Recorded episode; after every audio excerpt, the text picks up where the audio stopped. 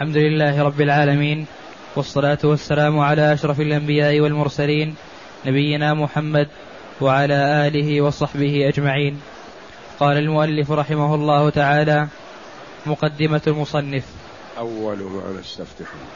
أول ما نستفتح المقال بذكر حمد ربنا تعالى فالحمد لله على ما أنعم حمدا به يجلو عن القلب العمى. ثم الصلاة. ثم الصلاة بعد والسلام على نبي دين دينه الإسلام محمد خاتم رسل ربه وآله من بعده من بعده وصحبه.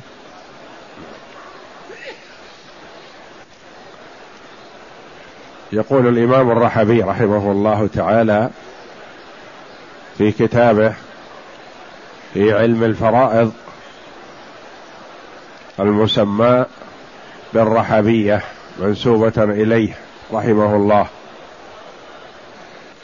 يقول أول ما نستفتح المقال بذكر حمد ربنا تعالى فالحمد لله على ما أنعم حمدا به يجلو عن القلب العمى.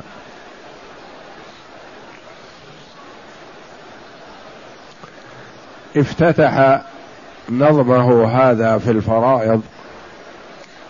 اولا جعله نظم ليكون أسهل لحفظه فهو سهل الحفظ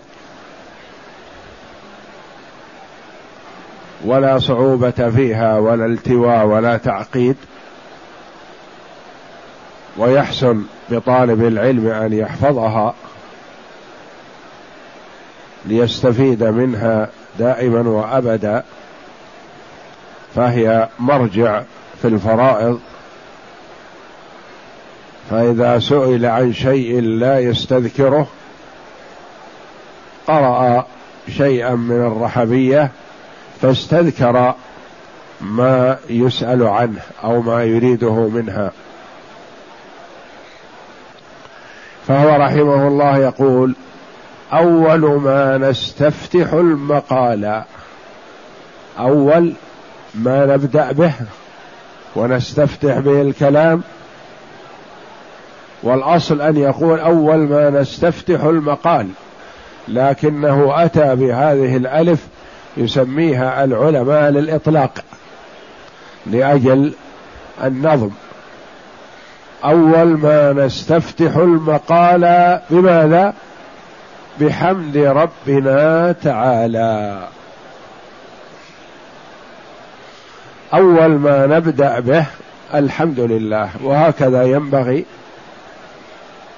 للمسلم إذا ابتدأ بأي كلام خطبة أو موعظة أو حديث أن يبدأه بالحمد لله. والله جل وعلا محمود مستحق لجميع المحامد سبحانه وتعالى فهو محمود لصفاته محمود لأفعاله محمود لنعمه يحمد حتى على ما يكرهه الإنسان لأنه ما يخلو من فائدة ولهذا جاء الحمد لله الذي لا يحمد على مكروه سواه. فهو يحمد جل وعلا على المحبوب والمكروه. لأن المكروه هذا للإنسان فهو في حق الله محمود له فيه مصالح وللعباد فيه مصالح. فقد يكون المرء يكره شيئا ما وفيه خير له. يكره الجوع والعطش وفيه ثواب عظيم له. يكره ما يصيبه في بدنه ما يصيبه في ماله وله في هذا خير. ربما يكون ما يحصل له خير له من سلامته من ذلك. لأن المرأة قد تكون له المنزلة بالجنة ما يدركها بعمله فيبتليه الله جل وعلا بالمصائب التي يكرهها. يكرهها العبد يبتليه الله جل وعلا بها فينال هذه الدرجة العالية الرفيعة.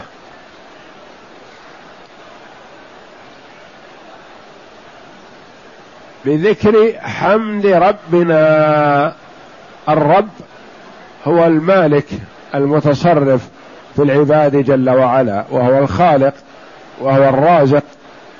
وكلمة رب لا يجوز إطلاقها على غير الله إلا بإضافة. فما يجوز أن تقول فلان رب يعني رب دار أو رب بيت وإنما يلزم أن تضيفه إلى شيء ما وتقول الله جل وعلا هو الرب سبحانه وتعالى. وقيل إنه هو اسم الله الأعظم ولهذا ابتدأ به جل وعلا كتابه العزيز. الحمد لله رب العالمين. فالرب اسم من أسماء الله جل وعلا ولا يجوز إطلاقه على غيره إلا مضافا. بخلاف بعض الأسماء لله جل وعلا فيجوز أن تطلق إلى على غيره بدون إضافة وأنت تقصد بها هذا المخلوق. فتقول جاء العالم جاء العزيز جاء الكبير جاء العظيم. وهكذا والله جل وعلا هو العزيز وهو العليم وهو الكبير وهو العظيم سبحانه وتعالى. تعالى من العلو. أي استحق العلو سبحانه وتعالى. والله جل وعلا له العلو الكامل. علو القدر وعلو القهر وعلو الذات. علو القدر وعلو القهر وعلو الذات. تجتمع لله جل وعلا على أكمل وجه. قد يكون المخلوق له علو قدر والمخلوق الآخر له علو قهر والمخلوق الآخر له علو الذات وليس له الأصناف الأخرى الصفات الأخرى. فعلو القدر للمخلوق مثل عالم جليل محبوب يحبه الناس وهو متواضع وبسيط. وربما يجد غداءه ولا يجد عشاءه. وربما لا يجد ما يسكنه وما يستقر فيه. لكن له قدر عند الناس. محبوب معظم. له علو قدر. هل له علو ذات؟ لا. له علو قهر قاهر للناس؟ لا. متواضع. وقد يكون آخر له علو القهر. وليس له علو الذات ولا علو القدر ولا علو القدر. يكون قاهر متسلط على الناس. لكن الناس يمقتونه لا يحبونه ويبغضونه ويلعنونه. وليس مرتفع على الناس فوق وإنما هو معهم لكنه متسلط. هذا له علو قهر وليس له علو ذات ولا علو قدر.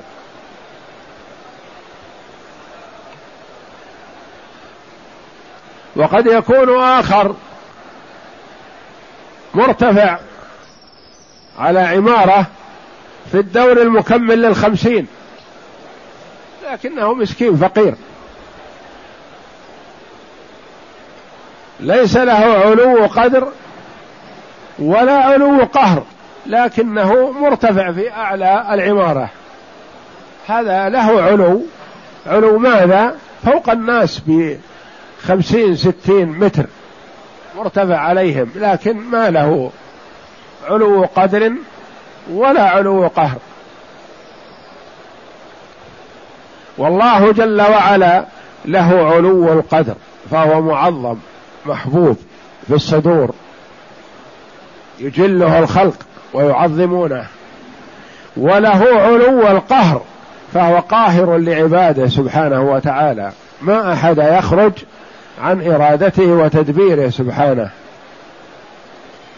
وله علو الذات فهو مستو على عرشه فوق سماواته جل وعلا. فله جل وعلا علو القدر وعلو القهر وعلو الذات. فالحمد لله. يقول بعدما قال أول ما نبدأ بحمد الله ثم قال الحمد لله. الحمد لله على ما أنعم. الحمد لله على نعم الله. ونعم الله جل وعلا لا تعد ولا تحصى. نعم الله عظيمة. تتوالى على العبد. منها ما هو الظاهر ومنها ما هو الخفي ومنها ما هو المرئي بالعين ومنها ما لا يدركه العباد. فنعم الله جل وعلا تتلى تتوالى على عبده من حين أن كان نطفة في رحم أمه حتى يتوفاه الله جل وعلا في هذه الدنيا. ثم عاد النعمة العظمى لمن وفقه الله وعمل بطاعة الله الجنة أو العذاب الأليم الذي يستحقه بما قدمت يداه. والله جل وعلا لا يظلم الناس شيئا.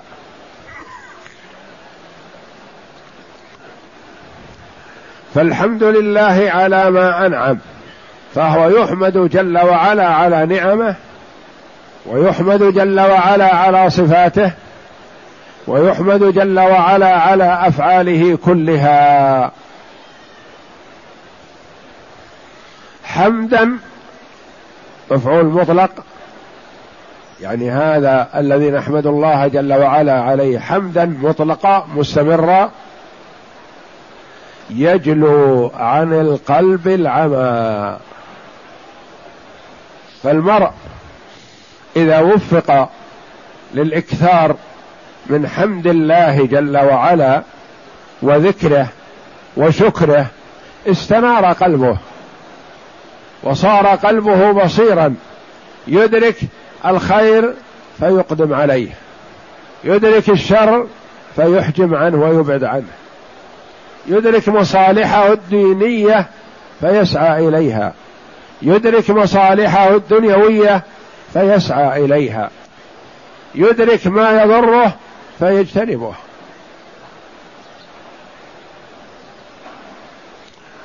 يجلو عن القلب العمى. يعني أن القلب يكون أعمى؟ نعم والعياذ بالله.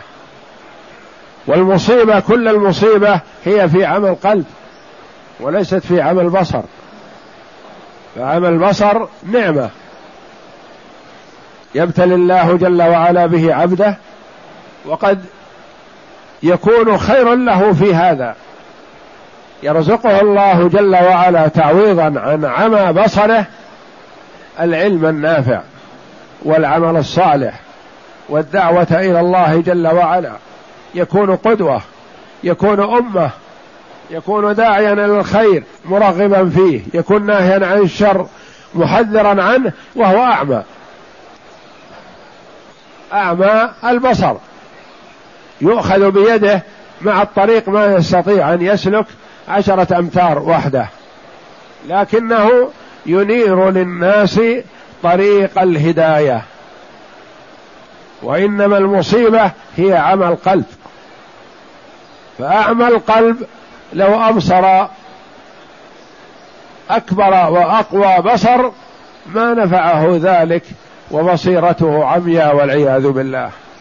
وكما قال الله جل وعلا فإنها لا تعمى الابصار ولكن تعمى القلوب التي في الصدور.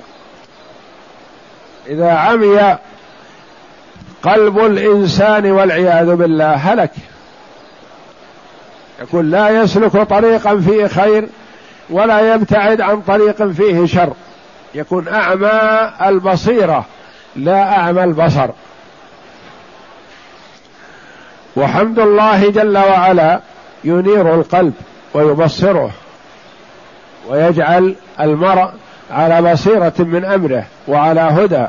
يأتي ما يأتي من الأعمال طاعة لله جل وعلا وتقربا إليه. ويترك ما يترك من الأعمال طاعة لله جل وعلا وتقربا إليه فهو محفوظ بحواسه كلها وجوارحه كله في طاعة الله جل وعلا.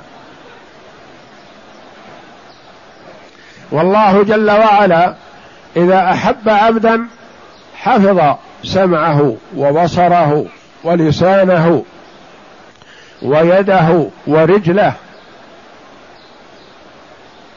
كما جاء في الحديث أن الله جل وعلا يقول ما تقرب إلي عبدي بشيء أحب إلي مما افترضته عليه. ولا يزال عبدي يتقرب إلي بالنوافل حتى أحبه. فإذا أحببته كنت سمعه الذي يسمع به وبصره الذي يبصر به ويده التي يبطش بها ورجله التي يمشي بها وإن سألني أعطيته ولئن استعاذني لأعيذنه. فيسمع ما يرضي الله ويبصر ما يرضي الله ويكون أصم عما يسخط الله يكون أعمى عما يسخط الله. يده ما تمتد إلا في طاعة الله. رجله ما تمشي إلا في معصي في طاعة الله جل وعلا. ويتوقف ويحجم عن معصيته سبحانه. حمدا به يجلو يزيل عن القلب العمى.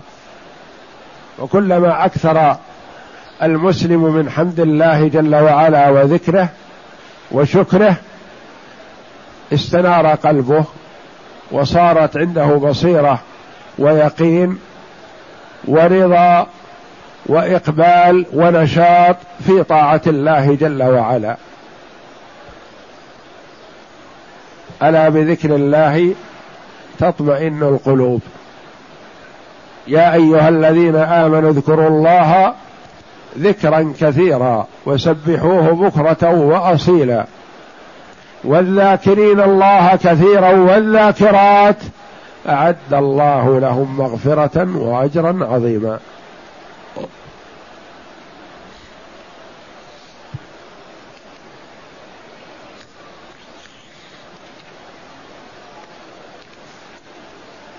ثم الصلاة بعد والسلام على نبي دينه الإسلام. ثم هذه ثم حرف عطف. تدل على الترتيب والتراخي. يعني أول وقبل كل شيء الحمد. ثم تأتي الصلاة بعد. ولا نأتي يؤتى بهما معا لأن ما كان لله جل وعلا مقدم. ولا يساوى بين الله وبين رسوله صلى الله عليه وسلم. والتسوية بينهما شرك. وإنما يحب الرسول صلى الله عليه وسلم ويطاع ويتبع طاعة لله تبارك وتعالى حيث أمر سبحانه وما آتاكم الرسول فخذوه وما نهاكم عنه فانتهوا. ثم الصلاة بعد والسلام. يستحب القرن بين الصلاة والسلام على رسول الله صلى الله عليه وسلم.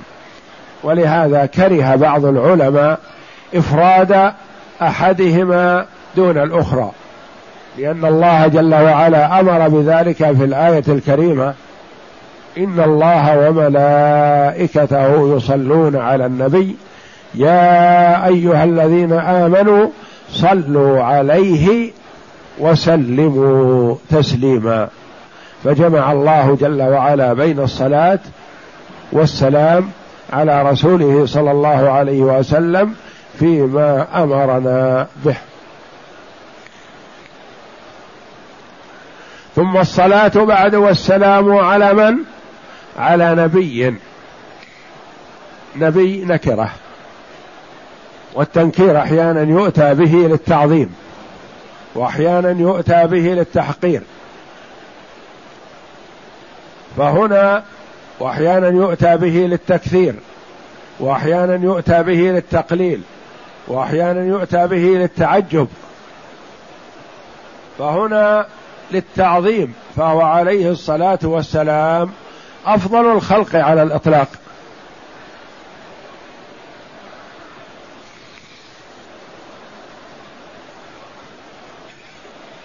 والنبي هو رجل أوحي إليه بشرع فإن أمر بالتبليغ فهو رسول وإن لم يؤمر بالتبليغ فهو نبي. والأنبياء كثر والرسل قليلون بالنسبة للأنبياء. جاء أن الأنبياء أكثر من مائه ألف والرسل بعدد أهل بدر ثلاثمائة وبضعة عشر. وما قصه الله جل وعلا علينا من الأنبياء خمسة وعشرون فقط.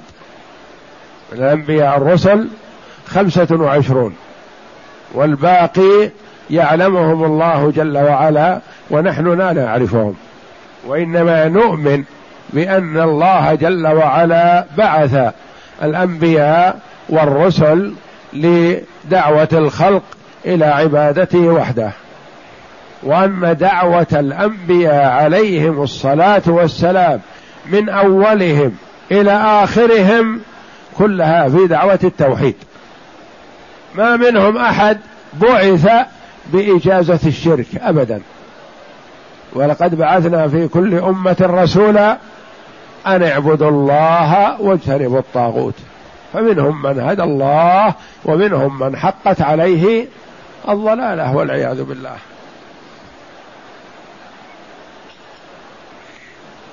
والمذكورون في القرآن هم خمسة وعشرون. والبقية يعلمهم الله جل وعلا. وعلينا الإيمان. بالأنبياء والرسل إجمالا وبأسماء من سمى الله جل وعلا بأسمائهم وبشريعة محمد صلى الله عليه وسلم إجمالا وتفصيلا.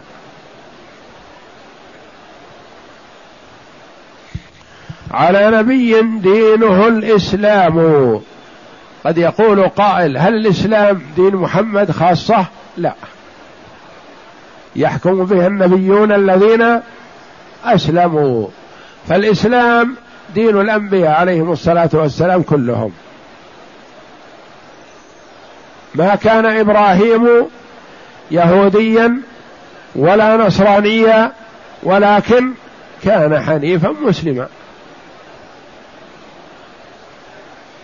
فالأنبياء عليهم الصلاة والسلام والرسل كلهم دينهم الإسلام.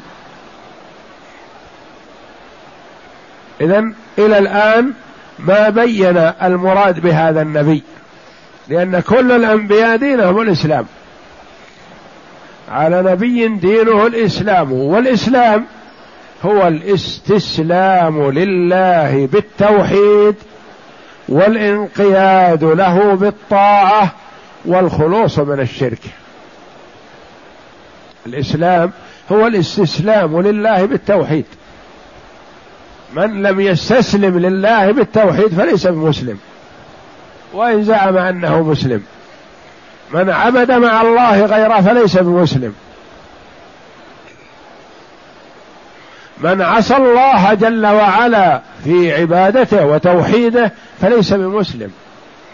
أما المعصية في المعاصي دون الشرك والكفر فهذه ما تخرج المسلم من الإسلام.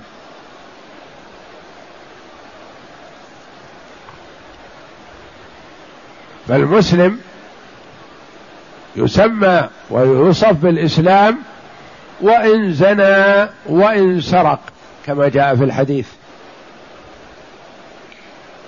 يكون مسلم لكن الناس في الإسلام بينهم من التفاوت كما بين السماء والأرض. هذا في أعلى درجة وهذا في أسفلها لكن ما يخرج من الإسلام.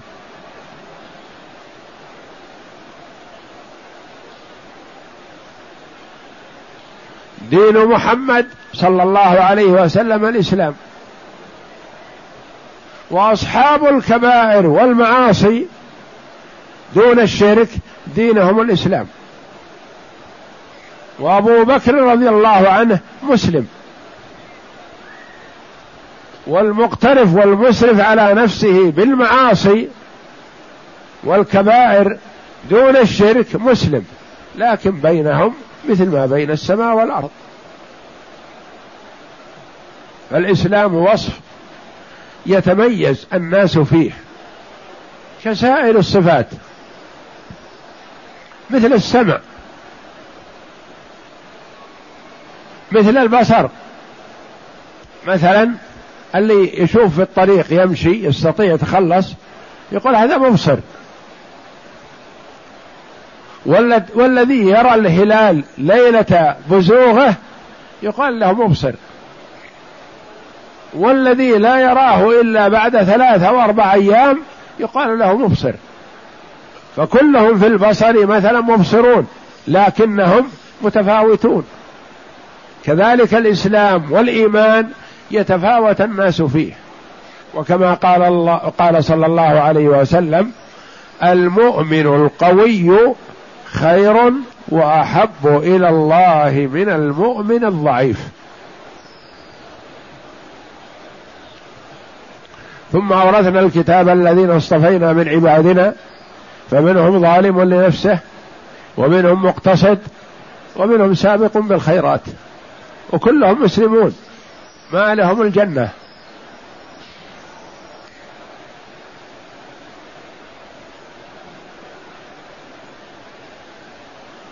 فالإسلام يتفاوت والمسلم مأمور بأن يسابق فيه ويأخذ ويحرص على أن ينال أعلى الصفات. وإذا ذكر الإسلام وحده شمل الإسلام والإيمان. وإذا ذكر الإيمان وحده شمل الإسلام والإيمان. وإذا ذكرا معا تميزا. إذا اقترنا افترقا. وإذا افترقا اتفقا.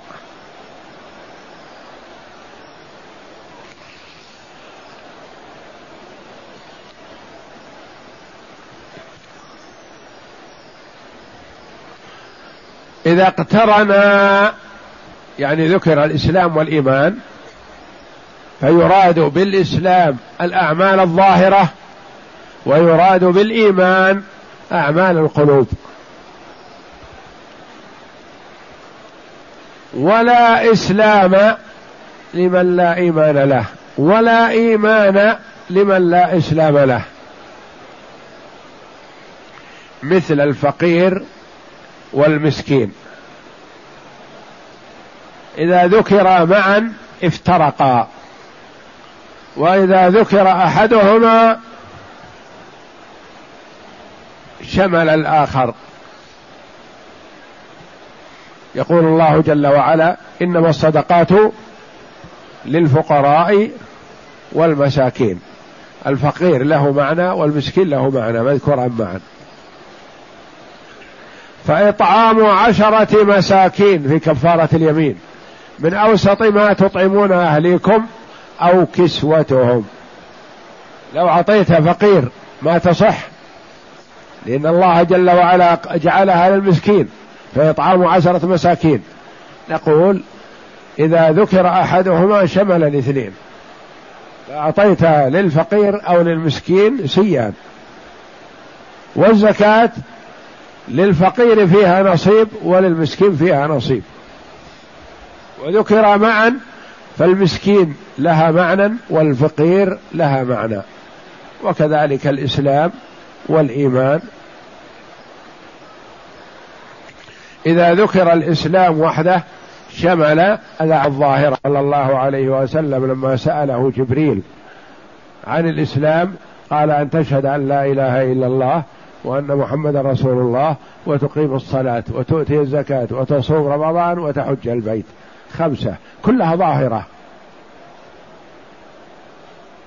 ولما سئل عن الإيمان قال أن تؤمن بالله وملائكته وكتبه ورسله واليوم الآخر وبالقدر خيره وشره. ستة. هذه في عمل قلب. ولما سئل عن الإحسان قال أن تعبد الله كأنك تراه فإن لم تكن تراه فإنه يراك. على نبي دينه الإسلام كل الأنبياء عليهم الصلاة والسلام دينهم الإسلام. يحكم بها النبيون الذين أسلموا. للذين هادوا والربانيون والأحبار يستحفظوا من كتاب الله. أنبياء بني إسرائيل كلهم دينهم الإسلام. موسى وعيسى وإبراهيم ونوح كلهم دينهم الإسلام. وهل هو يقصد هنا في الصلاة على جميع الأنبياء؟ لا. قال على نبي دينه الإسلام محمد. محمد يصح فيها الرفع. محمد خاتم رسل ربه. ويصح فيها الجر. محمد خاتم رسل ربه. إذا جررتها تكون صفة أو خبر لنبي. على نبي دينه الإسلام محمد. محمد بدل من نبي يكون مجرور. ويصح فيها الرفع فتقول هو محمد. ويصح فيها النصب تقول أعني محمدا. فتصح فيها الحركات الثلاث الرفع والنصب والجر.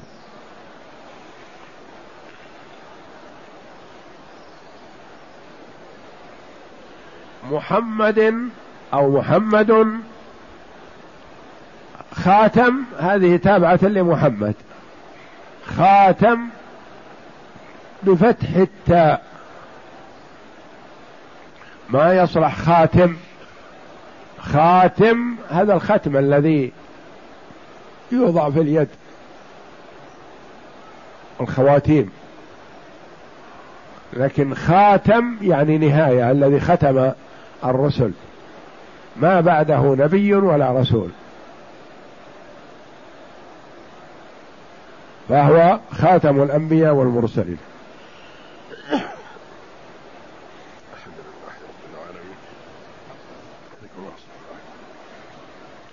خاتم رسل ربه يعني أن لله رسل وأن الله بعث رسل كثير لكن ختمهم بمحمد الذي هو أفضلهم عليه الصلاة والسلام.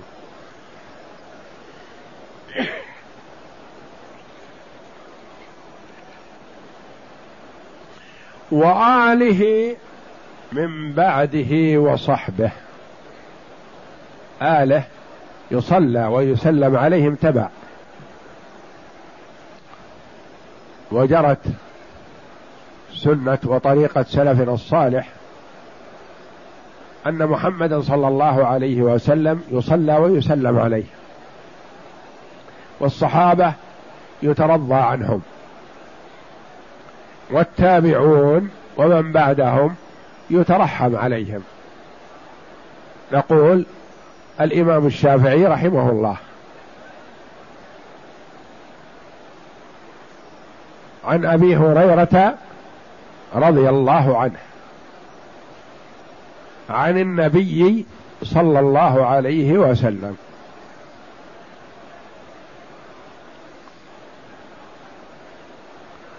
ويصلى على الآل والصحب تبع.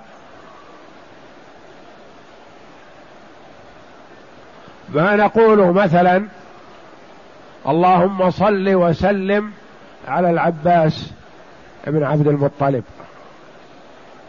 نقول اللهم ارضى عن العباس رضي الله عنه. نقول نقول اللهم صل وسلم على عبدك ورسولك نبينا محمد وعلى عميه وعلى زوجاته أمهات المؤمنين وعلى أولاده وآله وصحبه. تبع. ما نقول اللهم صل وسلم على فاطمة رضي الله عنها أو اللهم صل وسلم على علي رضي الله عنه. هؤلاء من آل النبي صلى الله عليه وسلم. وإنما يصلى عليهم ويسلم عليهم تبعا للنبي صلى الله عليه وسلم وإذا أفردوا فيترضى عنهم. وآله ما المراد بالآل؟ قيل المراد بالآل شيئان بحسب المقام. إذا أريد الآل الذين لا تحل لهم الصدقة فالمراد بهم آل بني هاشم وبني المطلب. هل ينتسبون إلى هاشم أو ينتسبون إلى عبد المطلب؟ إلى المطلب. المطلب أو هاشم. وهؤلاء هم ابن عبد مناف. وعبد مناف له أولاد كثر. عبد مناف. له أولاد كثر. منهم هاشم الذي هو جد النبي صلى الله عليه وسلم. ومنهم المطلب الذي هو عم عبد المطلب. عم جد النبي صلى الله عليه وسلم.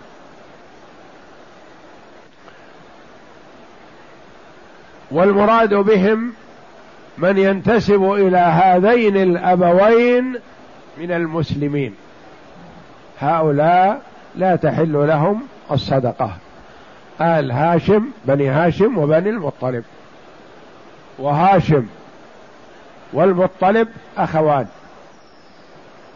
وهاشم أنجب عبد المطلب جد النبي صلى الله عليه وسلم.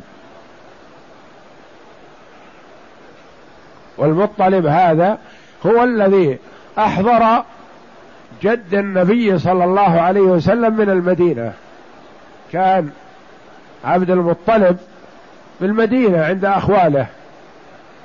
فذهب عمه المطلب وأحضره من المدينة ليتروس في مكة وليرث ملك آبائه وأجداده. فدخل به المطلب مكة وهو مردف له. وقد أصابته الشمس في الطريق من المدينة إلى مكة عشرة أيام أو أقل أو أكثر. فاسود لونه قليل. فظن من رآه بأن هذا عبد لهذا المطلب. اشتراه من المدينة أو من الطريق. فقالوا عبد المطلب. فعلق عليه هذا الاسم أكثر. فهو من عبودية الرق لا من عبودية العبادة والخضوع. يقول النبي عليه الصلاة والسلام حاشا عبد المطلب. يعني عبد المطلب ليس من عبودية الخضوع والعبادة وإنما من عبودية الرق. يعني يقال له عبد المطلب مثل ما تقول غلام زيد. يعني غلامه ملكه. فظن الناس إنما أحضره وهو عمه. حينما أحضره ظنوا أنه رقيق اشتراه في أثناء الطريق. فقالوا عبد المطلب عبد المطلب فعلقته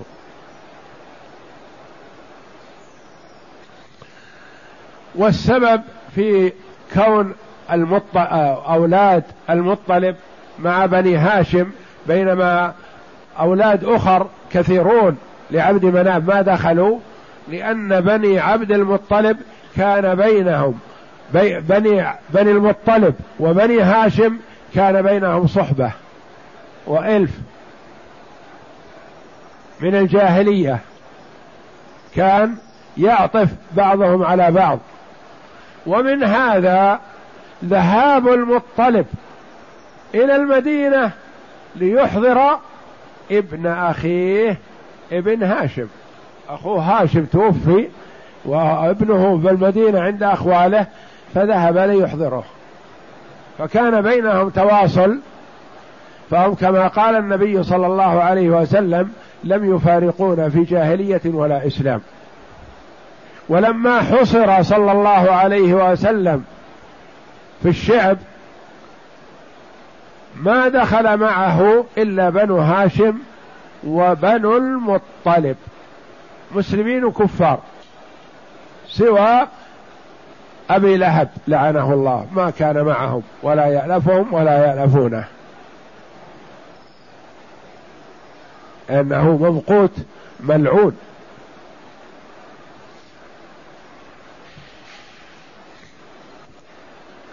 وألا بنو المطلب دخلوا مع بني هاشم في الشعب.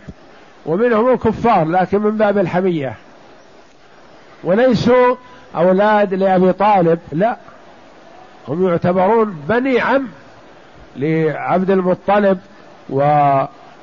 وأولاده المط... عبد أبي طالب والعباس وحمزة وأبو لهب وغيرهم يعتبرون أولاد عم لهم.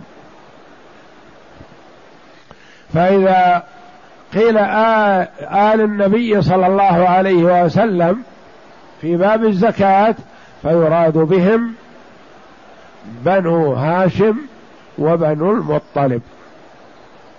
وإذا أريد بهم في باب الصلاة والسلام عليهم والترضي عنهم فيراد بهم آله أتباعه على دينه صلى الله عليه وسلم. وآله من بعده وصحبه. الصحب صحابة رسول الله صلى الله عليه وسلم يترضى عنهم وهم كل من التقى بالنبي صلى الله عليه وسلم مؤمنا به ومات على ذلك. التقى بالنبي وهو كافر ثم آمن بعد هذا ما يقال له صحابي.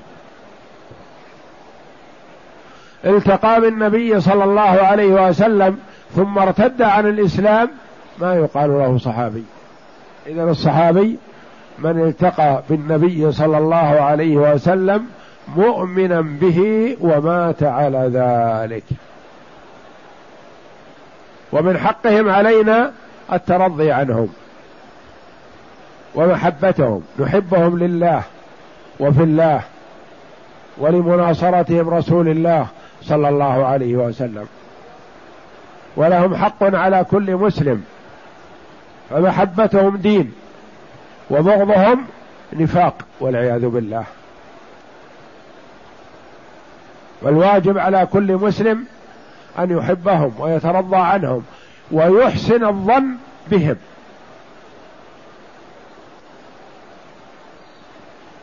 ولا ينبغي الاشتغال أو البحث عما حصل منهم فهم ليسوا بمعصومين رضي الله عنهم وأرضاهم. ولكنه قد يحصل منهم بعض الشيء يكونوا مجتهدون فيه. والمجتهد إن أصاب فله أجران وإن أخطأ فله أجر واحد. وعلينا محبتهم والترضي عنهم والكف عما حصل منهم رضي الله عنهم وأرضاهم. ولهذا يقال الصحابة رضي الله عنهم كلهم عدول. ما يقول هذا صحابي ليس بعدل؟ لا. ما يجوز لنا ذلك. أما التابعون فمنهم التابعي بإحسان ومنهم تابعي بغير إحسان. تابع بسوء. من التابعين من آذى الصحابة رضي الله عنهم وأرضاهم. فهو تابعي لا بإحسان وإنما بإساءة. منهم من آذى الصحابة رضي الله عنهم ويقال له تابعي. فمثلا الحجاج يقال له تابعي. عمرو بن سعيد المسمى بالأشدق يقال له تابعي لكنهم أساءوا إلى المسلمين وأساءوا إلى الصحابة رضي الله عنهم. فالصحابة كلهم عدول ومن عداهم فهم فيهم وفيهم. كما قال الإمام أبو حنيفة رحمه الله إذا جاء عن النبي صلى الله عليه وسلم فعلى العين والرأس وإذا جاء عن الصحابة فعلى العين والرأس وإذا جاء عن التابعين فهم رجال ونحن رجال. نتفاضل وإياهم كلنا وإياهم سواء. إن أكرمكم عند الله أتقاكم لكن فضيلة الصحبة لا تنال. من من الله عليه بصحبة رسول الله صلى الله عليه وسلم فتلك شرف عظيم ومنزلة رفيعة ما تدرك بالعمل. وآله من بعده وصحبه. اقرأ.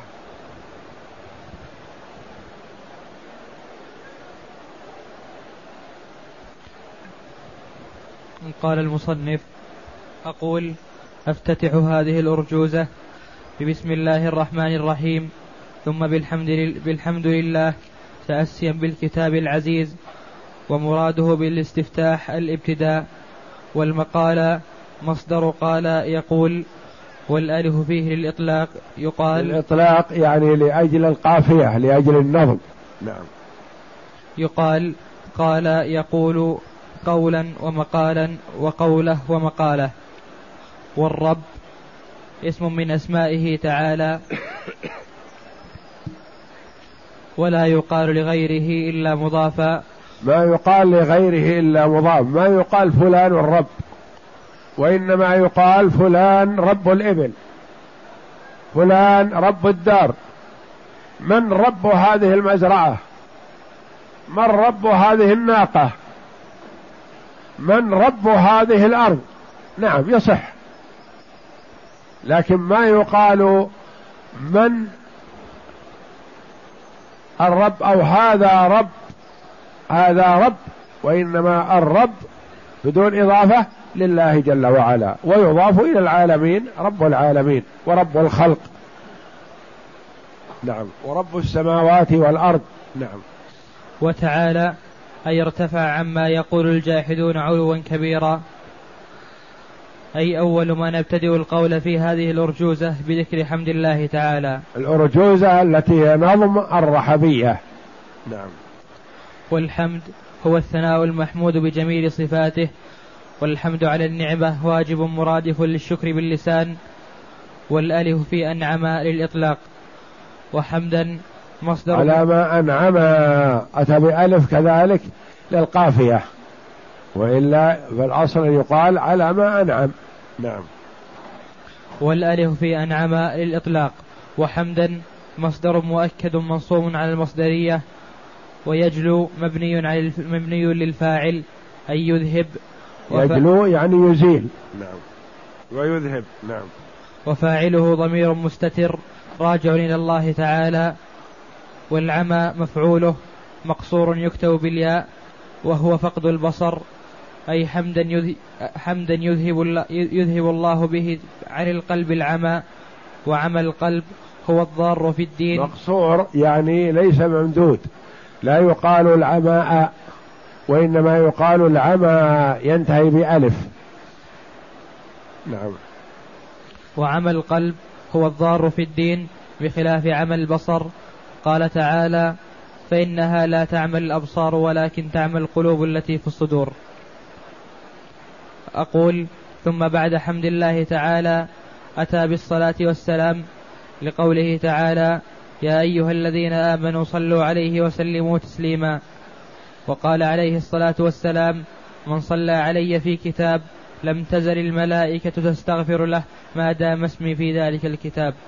هذا حديث ضعيف ضعفه العلماء رحمهم الله لكن فيه من صلى علي مرة صلى الله عليه بها عشرة. حديث صحيح. نعم. وقوله على نبي دينه الإسلام هو نبينا محمد خاتم الأنبياء والمرسلين صلى الله عليه وسلم. قال تعالى ما كان محمد أبا أحد من رجالكم ولكن رسول الله وخاتم النبيين. وخاتم خاتم بفتح التاء ما خاتم. نعم. ويجوز في محمد الجر على أنه بدل من نبي والرفع على أنه خبر لمبتدأ محذوف والنصب على أنه مفعول أعني محمدا. ويجوز النصب يعني أعني محمدا. نعم. وقوله وآله من بعده وصحبه أي ثم الصلاة والسلام على النبي صلى الله عليه وسلم وعلى آله وصحبه وآله صلى الله عليه وسلم بنو هاشم وبنو المطلب على الأرجح عند الإمام الشافعي والجمهور وصحبه جمع صاحب المراد من أسلم منهم الصلاة والسلام على من أسلم منهم. وأما أبو لهب فهو عم النبي صلى الله عليه وسلم ومن أقرب الناس إليه لكنه لا يقال له من آله. نعم.